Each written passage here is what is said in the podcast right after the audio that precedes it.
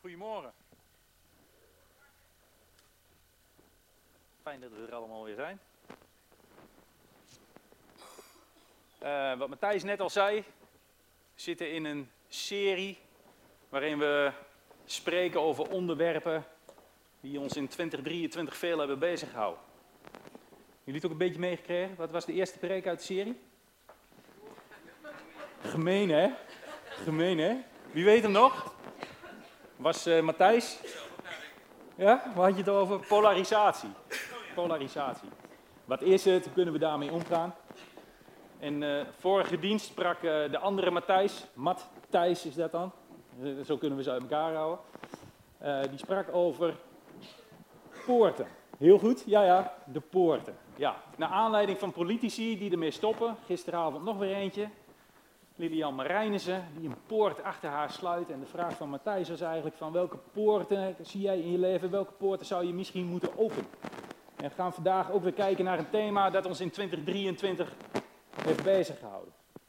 En ik denk met name in de aanloop naar de verkiezingen toe hebben we daar heel veel over gehoord. En eigenlijk alle politieke partijen die hadden er wel iets over in hun partijprogramma staan. Al enig idee? Bestaanszekerheid. Bestaanszekerheid. Het thema van mijn preek heb ik maar genoemd zekerheid in onzekere tijden. Bestaanszekerheid. Vroeg mij vanmorgen al iemand. Uh... Doe, ik, doe ik het niet goed?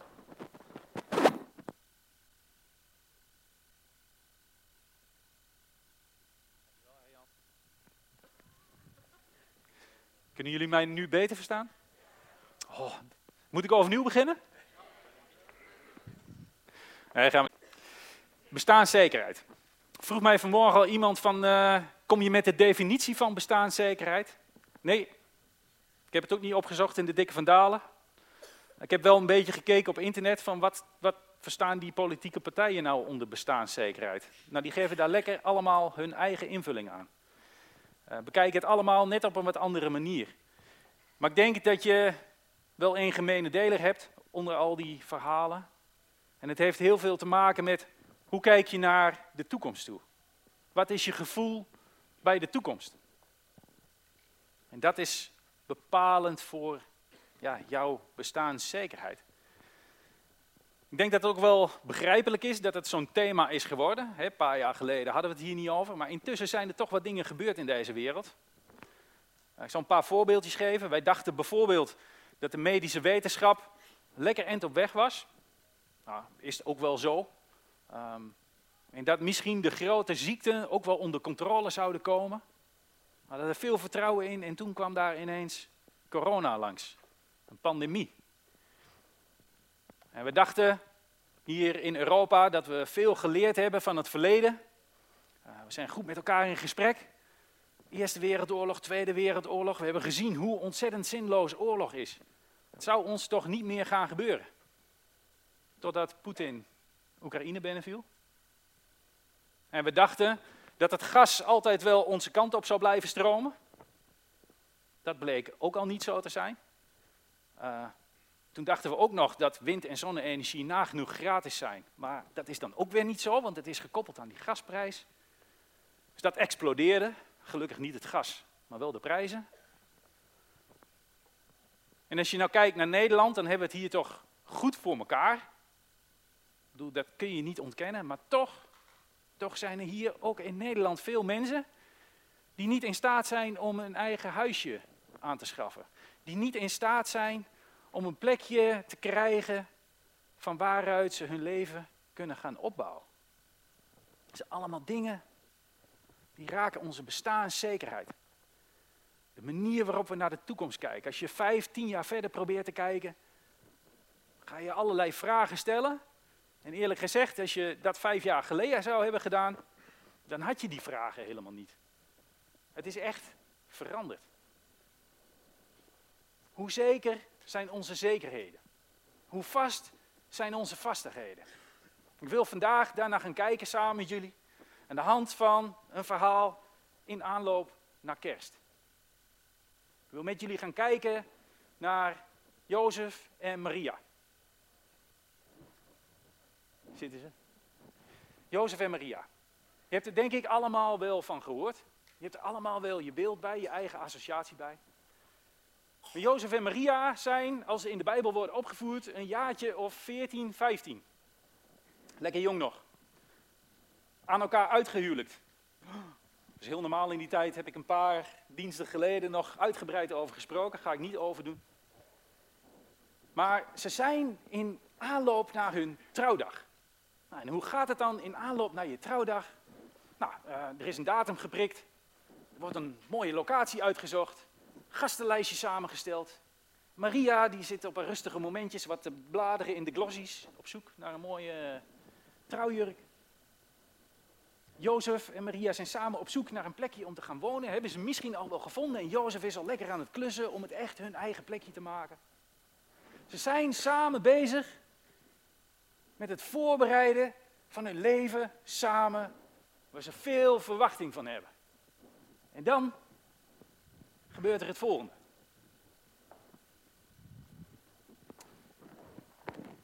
In de zesde maand zond God de engel Gabriel naar de stad Nazareth in Galilea. Ga er maar even goed voor zitten, want we gaan een heel eind lezen.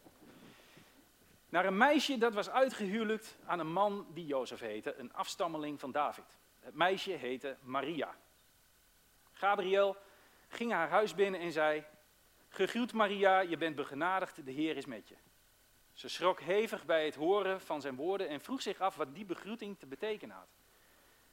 Maar de engel zei tegen haar: Wees niet bang, Maria, God heeft je zijn gunst geschonken. Luister, je zult zwanger worden en een zoon baren en je moet hem Jezus noemen. Hij zal een groot man worden en zoon van de Allerhoogste worden genoemd en God de Heer zal hem de troon van zijn, David, vader, van zijn vader David geven. Tot in eeuwigheid zal hij koning zijn over het volk van Jacob. En aan zijn koningschap zal geen einde komen. Maria vroeg aan de engel, hoe zal dat gebeuren? Ik heb immers nog nooit gemeenschap met een man gehad. De engel antwoordde, de Heilige Geest zal over je komen en de kracht van de Allerhoogste zal je als een schaduw bedekken. Daarom zal het kind dat geboren wordt heilig worden genoemd en zoon van God. Haar man Jozef, die een rechtschapen mens was, wilde haar niet in opspraak brengen en dacht erover haar in het geheim te verstoten. Toen hij dit overwoog, verscheen hem in een droom een engel van de Heer. De engel zei, Jozef, zoon van David, wees niet bang je vrouw Maria bij je te nemen, want het kind dat ze draagt is verwekt door de Heilige Geest. Ze zal een zoon baren. Geef hem de naam Jezus, want hij zal zijn volk bevrijden van hun zonde. En Jozef en Maria zijn in voorbereiding op hun leven samen. En dan ineens staat daar een engel in de kamer van Maria. Nou, bij engel moet je dan niet denken aan zo'n klein, propperig, naakt, dikker, klein mannetje met van die kleine vleugeltjes op de rug en een pijl en boogje in zijn handen. Een engel, dat is een, een krachtige, stoere, imposante verschijning. En die staat daar ineens in die kamer van Maria. En die zegt, gegroet Maria. Je bent begenadigd, de Heer is met je. Ik kan me voorstellen dat Maria schrikt. Zich kapot schrikt. Niet alleen van die verschijning, maar ook van deze woorden. Wie ben ik? Meisje van 14. Dat ik dit ineens te horen krijg. Begenadigd ben je, de Heer is met je. Dat, dat, daar moet toch veel meer achter zitten. En die engel die ziet dat Maria schrikt. En die zegt, wees niet bang. Wees niet bang, Maria. En Maria die komt wat tot bedaren. Die krijgt die boodschap van die engel te horen. Je gaat zwanger worden. Je krijgt een kind, dat moet je Jezus noemen. Hij wordt zoon van de Allerhoogste genoemd. Hij, hij wordt koning, krijgt een koningschap dat niet voorbij zal gaan.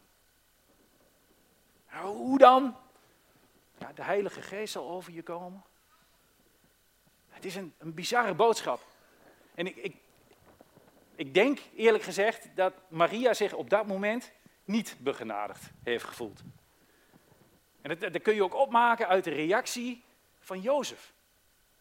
Jozef, moet je even indenken, hoe zal dat ongeveer gegaan zijn? Dat gesprek tussen die twee. Uh, Jozef, ik moet even met je praten. Oh, dat kan hoor. Misschien moet je even gaan zitten.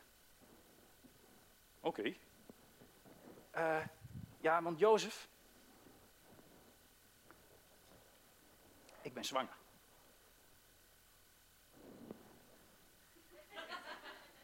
Eh, rustig maar.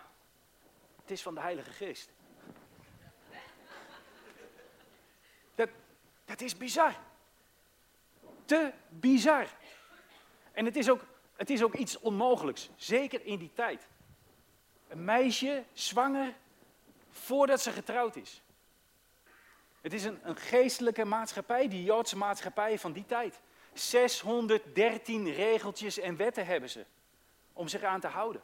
En daar werd streng op toegezien. Deze boodschap, die betekent voor Jozef en Maria een beetje het einde van hun rustige leventje samen. Vanaf nu zijn zij het onderwerp van geroddel, van gefluister. Zij door de straten lopen, stoten mensen elkaar aan. Dat gehoord? Vanaf nu gaan zij met de nek worden aangekeken. Zullen mensen hen de rug toedraaien. Dat gaat hun toekomst zijn. En ik denk dan ook dat het van Jozef eigenlijk heel nobel is. Dat hij bij zichzelf denkt, dit is geen leven. Misschien is het maar beter dat ik, dat ik Maria laat gaan. Misschien, misschien snapt hij dat verhaal van die Heilige Geest ook nog niet helemaal. En denkt hij dat er een ander is. En denkt hij, laten we maar uit elkaar gaan. En, en misschien als we ons ergens anders vestigen, een eind weg van hier, dan, dan hebben we misschien nog kans om, om nog iets van ons leven te maken. Nog iets van ons leven te maken.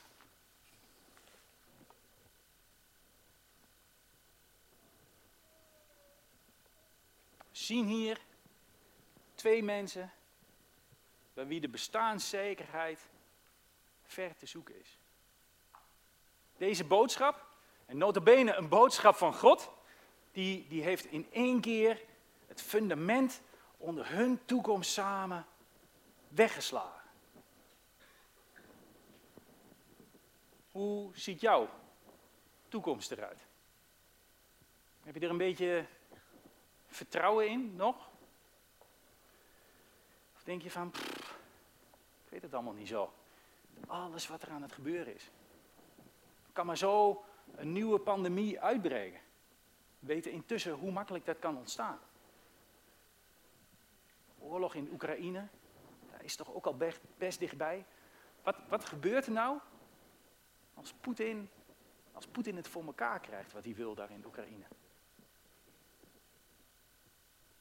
Misschien uh, ben je al heel lang op zoek naar een huisje, maar er zijn veel te weinig woningen, want er is veel te veel CO2. Hoe, gaat het met ons klimaat? Met de ophoging van de temperatuur op aarde. Het ziet er ook allemaal niet zo lekker uit. Of, of misschien zijn dat wel allemaal dingen die, die ver van je afstaan. En zijn het problemen veel dichter bij huis, niet je eigen huis dus, maar dat huurhuisje waar je elke maand veel te veel voor moet betalen, die je heel erg bezighoudt omdat je eigenlijk de rekeningen niet meer betaald krijgt. Merkt iedere week aan de kassa dat de boodschappen steeds duurder worden. Misschien heb je te maken met, met ziekte in je eigen leven of in het leven van, van iemand die je lief hebt. Misschien heb je te maken met depressieve gevoelens. Ik weet niet wat het is. Maar hoe kijk jij naar je toekomst?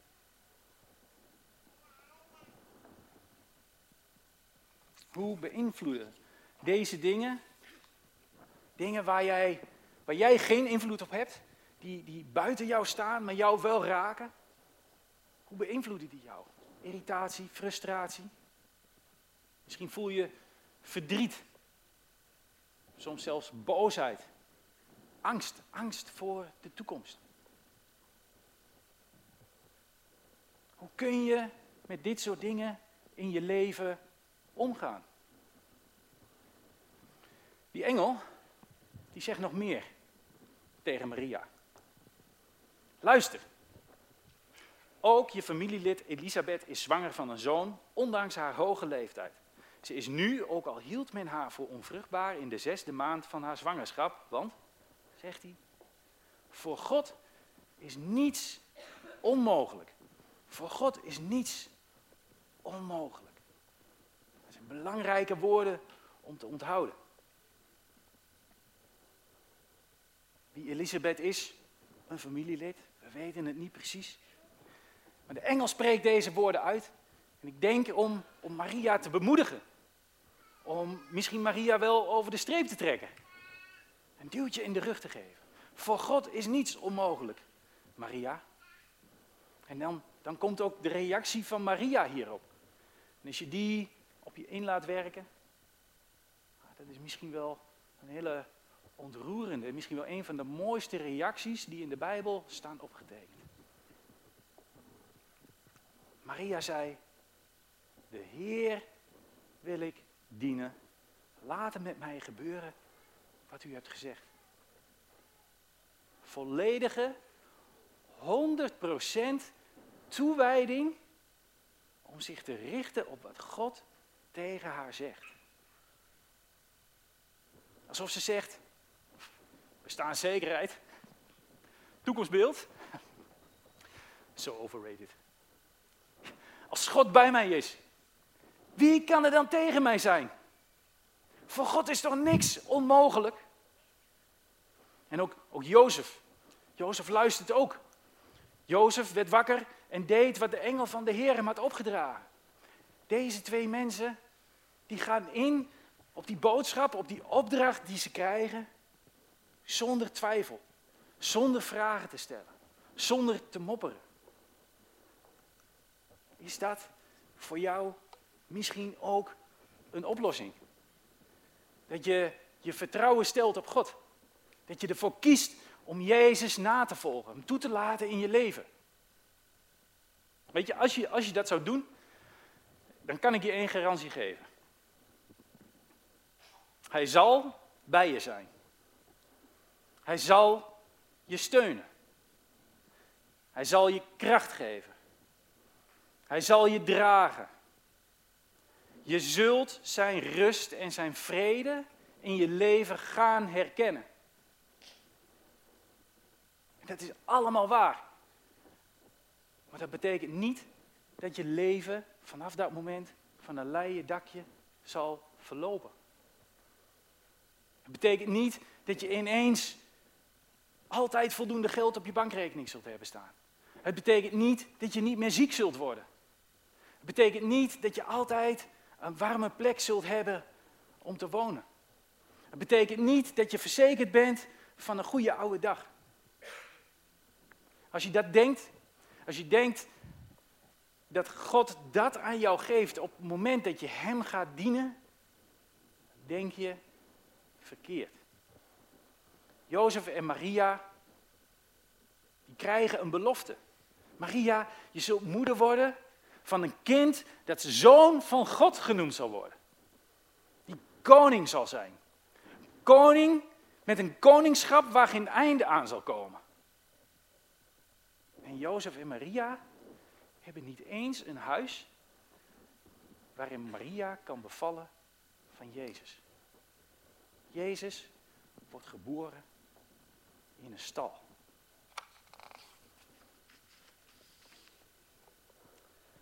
En ik weet niet of dat ook te maken had met het feit dat er in die tijd een huizencrisis was. Maar blijkbaar betekent het feit dat je geen eigen huis hebt zeker niet dat God niet bij je is.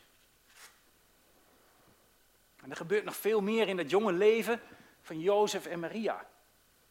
Als ze Jezus hebben gekregen, dan moeten ze vluchten. Het zijn vluchtelingen. Ze moeten het land uit, ze moeten naar Egypte, staat er in de Bijbel. En een paar jaar later, dan denken ze dat ze terug kunnen. Maar dan komen ze in Israël en dan is het daar nog steeds niet veilig genoeg. En moeten ze uitwijken naar een plek in het noorden van Israël waar het dan wat minder gevaarlijk is. Wat een gedoe. Wat gebeurt er veel in het leven van deze twee mensen? Waarom zou je hun voorbeeld navolgen? Waarom zou je je leven richten op God? Waarom zou je moeite doen om Jezus te volgen?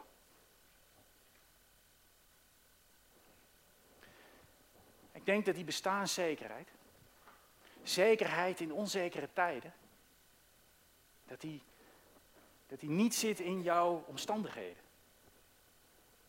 Maar die zit hem van binnen. In je hart. In je hartsgesteldheid. Op wie vertrouw jij? Durf jij het aan om te vertrouwen op de God van hemel en aarde? Om te vertrouwen op Jezus in jouw leven. En Jezus belooft je, ik zal met je zijn tot aan de voleinding der wereld, staat er dan in de Bijbel. Wees niet bang. De engel zegt het tegen Maria, maar het is een boodschap voor jullie, voor jou. Wees niet bang.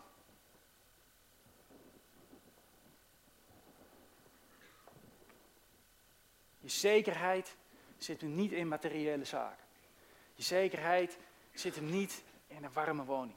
Zit hem niet in voldoende geld. Zit hem niet in gezondheid. Zit hem niet in die pensioenvoorziening voor later. Zekerheid, die zit hem in de belofte dat je begenadigd bent. Dat de Heer met je is. Hij wil je dragen. Hij wil bij je zijn. Hij wil je omringen met zijn liefde iedere dag. En wat is dan daarop jouw reactie? Kun je het meezeggen met Maria?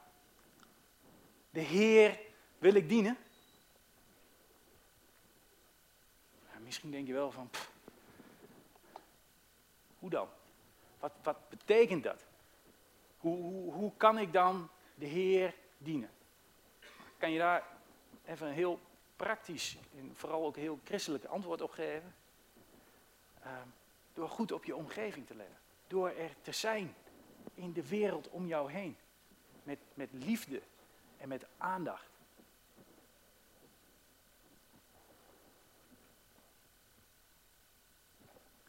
Maria gaf letterlijk het leven aan Jezus. En jij kunt figuurlijk Jezus laten leven in jouw omgeving. Door je op Hem te richten. Mag ik je daar misschien uh, even in het kort nog een praktisch uh, voorbeeld van geven. Uh, ik wil even met jullie gaan kijken naar een filmpje. In dat filmpje zie je Meta. Meta is een vrouw, woont hier in Eindhoven en zij leeft in armoede. Al jaren. door omstandigheden, ze is ziek geworden, haar man is bij haar weggegaan, ze is haar baan kwijtgeraakt door die ziekte. Heeft ze jaren moeten leven van een paar tientjes per week samen met haar twee kinderen. Twee kinderen zijn intussen het huis uit. Maar Meta leeft nog steeds in armoede. Weet nog steeds niet goed wat ze moet verwachten van haar toekomst. En Meta spreekt in dit filmpje ondernemers toe. Ondernemers in Eindhoven. Dus ik wil even dat je uh, een oefeningetje doen. Je moet jezelf even inbeelden dat je een ondernemer bent. Um, denk je misschien zelf, nou dat ben ik niet. Jawel, dat ben je wel. Want wij ondernemen de hele dag, de hele week van alles. Zoals je vanmorgen ook de onderneming bent aangegaan om hier naar de kerk te komen. Dus wij zijn allemaal ondernemers. En dit is wat Meta te zeggen heeft. Maar ik weet niet hoe, ik dat, uh, hoe dit in de toekomst gaat. Wat ik graag zou willen zeggen tegen de ondernemers, dat is um, ook een soort dankjewel. En ik denk dat heel veel ondernemers niet vaak altijd doorhebben wat het, wat het met je doet als je in armoede leeft. En je krijgt dan zomaar gratis iets, een nieuwe vloer of een, of een blik tekst dat je je muren weer kan schilderen. Ik ben er zo ontzettend gelukkig mee. Nou, we raken een beetje emotioneel, maar gewoon het feit dat ik mijn muren kan schilderen, dat ik weer mensen in huis kan gaan halen. Mensen in armoede zijn stille mensen, die horen of die zie je niet. En die brengen zoveel vreugde door een klein gebaar, gewoon een stukje. Ja, ja, ik weet eigenlijk niet goed hoe ik het moet zeggen je bent gewoon zo ontzettend gelukkig dat je dan gewoon een keer iets krijgt. Want mensen leven in schaamte en die durven het niet altijd te vragen. Dus dat is eigenlijk wat ik kan zeggen.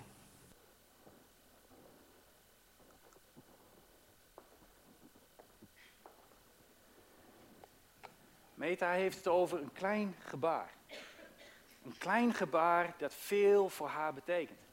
En jullie zijn allemaal ondernemers. En je denkt misschien bij jezelf, ja, klein gebaar nieuwe vloer, uh, geschilderde muren. Dat vind ik helemaal niet zo'n klein gebaar. Maar jij kunt een klein gebaar maken in jouw omgeving. Ik ging van de zomer boodschappen doen bij de Jumbo. En ik kreeg daar een kratje met boodschappen aangeboden. Kratje met inhoud. En ik zei, er hadden een of andere actie. Ik zeg, nou, ehm, heel lief, maar geef dit kratje maar aan iemand die het echt nodig heeft. En ik loop met mijn goed gevulde boodschappenkaart uh, naar de auto en denk bij mezelf, ja, wie komt er hier in deze wijk bij de Jumbo die dat kratje nou echt goed kan gebruiken en het zich niet zelf goed kan veroorloven? Ik terug, ik zeg, mag ik toch zo'n kratje? Dan, dan zorg ik zelf wel dat het bij iemand terechtkomt. Ik had geen flauw idee. Ik denk, ja, zit ik met dat kratje. Ik heb het meegenomen naar een zomerdienst van de Stadskerk. Ik heb het daar achtergelaten. En iemand heeft het meegenomen. En het is terechtgekomen bij de stichting Anders. Je zag net het logo in beeld. En op de een of andere manier heeft dat kratje zijn weg gevonden naar Meta. En Meta heeft een kratje met boodschappen gekregen. En een nieuwe vloer. En geschilderde muren. Ik weet niet met hoeveel ondernemers we zijn vandaag, maar ze heeft net 2, 250, 300 misschien, ondernemertjes in Eindhoven toegesproken. Hoe een klein gebaar iets groots kan worden. Dat is hoe het gaat in het koninkrijk van God. Dat is hoe jouw kleine gebaar door God gebruikt kan worden. Onderschat dat nooit. Houd je ogen en je hart open voor de wereld om je heen. Geef eens een gift aan degene zonder gaven. Hou eens een deur open voor hen voor wie de deuren alleen maar gesloten worden. Verdraai eens je nek naar degene die normaal met de nek worden aangekeken. Geef eens iemand een steuntje in de rug.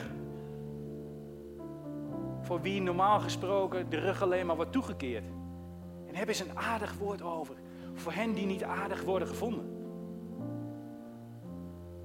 Richt je ogen en je hart op Jezus. Dan zal Hij zijn ogen en zijn hart op jou richten en je in de gaten houden.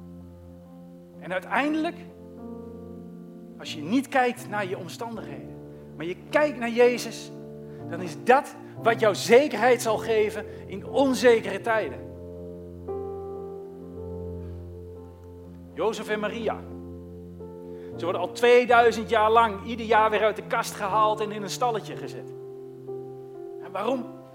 Omdat hun zekerheid niet werd bepaald door hun omstandigheden. Hun zekerheid kwam niet, werd niet aangetast door het feit dat ze moest bevallen in een stal. Werd niet aangetast door de negativiteit vanuit hun omgeving. Hun zekerheid kwam voort uit het vertrouwen op God. Zij verwelkomden Jezus in hun leven. Wat doe jij?